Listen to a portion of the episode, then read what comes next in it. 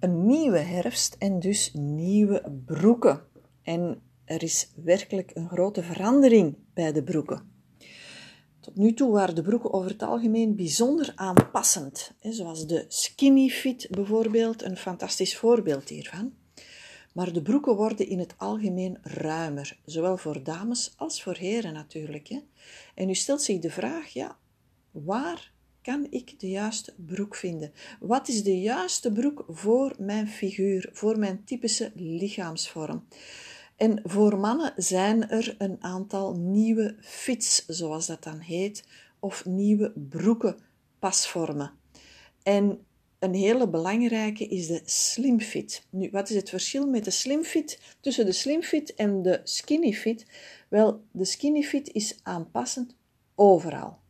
De slim fit is minder aanpassend.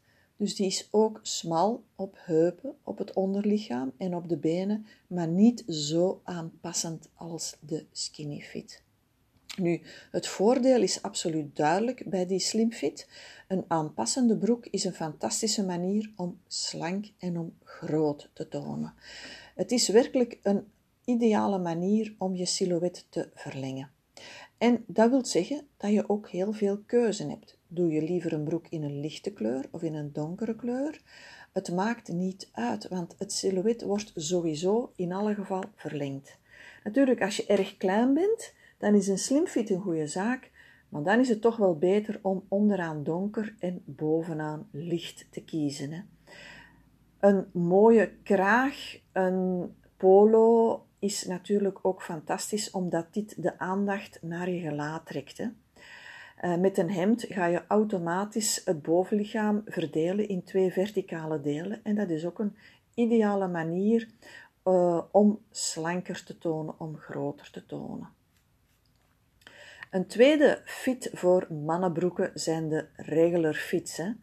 Dat is voor mannen, en zo zijn er wel wat, die zeggen: Och, het hoeft mij niet zo modisch te zijn. Al dat aanpassend gedoe, ik ga meer voor comfort. En dus dat is nog minder aanpassend en een rechte pijp naar beneden. Een klassieke look, zeker en vast, en nog altijd het silhouet verlengend, ietsje minder moet gezegd worden dan de, uh, dan de slim fit, maar nog altijd silhouet verlengend. Dus hier mag je ook zeker en vast vrij kleuren kiezen. Hè. En zowel, zowel de slim fit als de regular fit kunnen gedragen worden op kantoor of in een vrije tijdssituatie. En dan hebben we de tapered lijk of de tapstoelopende pijpen of de wortelbroek. Heel dikwijls wordt dat toegepast in een flatfrontbroek. Een flatfrontbroek is een broek die ja, minder stiksels heeft, minder wassingen, uh, ze heeft steekzakken. Het is niet die five pocket. Nee, het is wat netter, het is wat gekleder. Dikwijls in een stoffenkwaliteit en niet in een denimkwaliteit. En dat maakt dat uh, het, ja, het beetje gekleder oogt in die flatfront. Kan je die sportief dragen? Ja, zeker en vast. Het hangt er maar wat vanaf hè, wat je daarbij combineert. Maar over het algemeen oogt het ietsje netter. Ideaal voor heren die gespierde bovenbenen hebben, of wat zwaarder op de bovenbenen zijn, of wat zwaarder op heupen en billen zijn. Ja, mannen kunnen ook zwaarder zijn op heupen en billen. Is het een goede manier om je silhouet te verlengen? Ja, zeker en vast. Een silhouet dat onderaan smal is en bovenaan breed, heeft werkelijk een optisch liftend effect. Dus ideaal om jezelf optisch te verlengen. Een broek in een ruitenprint of in een strepenprint, zeker en vast. Herhaal dan de kleur van de print in je bovenstuk om nog meer optisch verlengend, afslankend effect te krijgen. En dan is er de bootcut fit. Zo breed als jouw boots zijn. Met andere woorden, die pijpen zijn zo breed als je voeten lang zijn. En dat is een hele aparte look. Ben je niet meer piepjong? Ik zou het niet doen. Het is werkelijk voor jonge mannen en dat is natuurlijk leuk. Hè? Is het verlengend? Wel nee, het is niet verlengend. Een broekspijp die onderaan breed is en bovenaan wat smaller, trekt het silhouet naar beneden. dus je bent maar beter wat groter.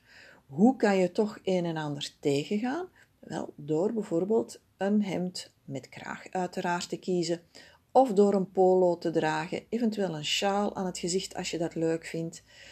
Die bovenkleding moet niet breed oversized zijn. Die bootcut geeft al een brede look en dan nog een breed op het bovenlichaam. Het is van het goede te veel.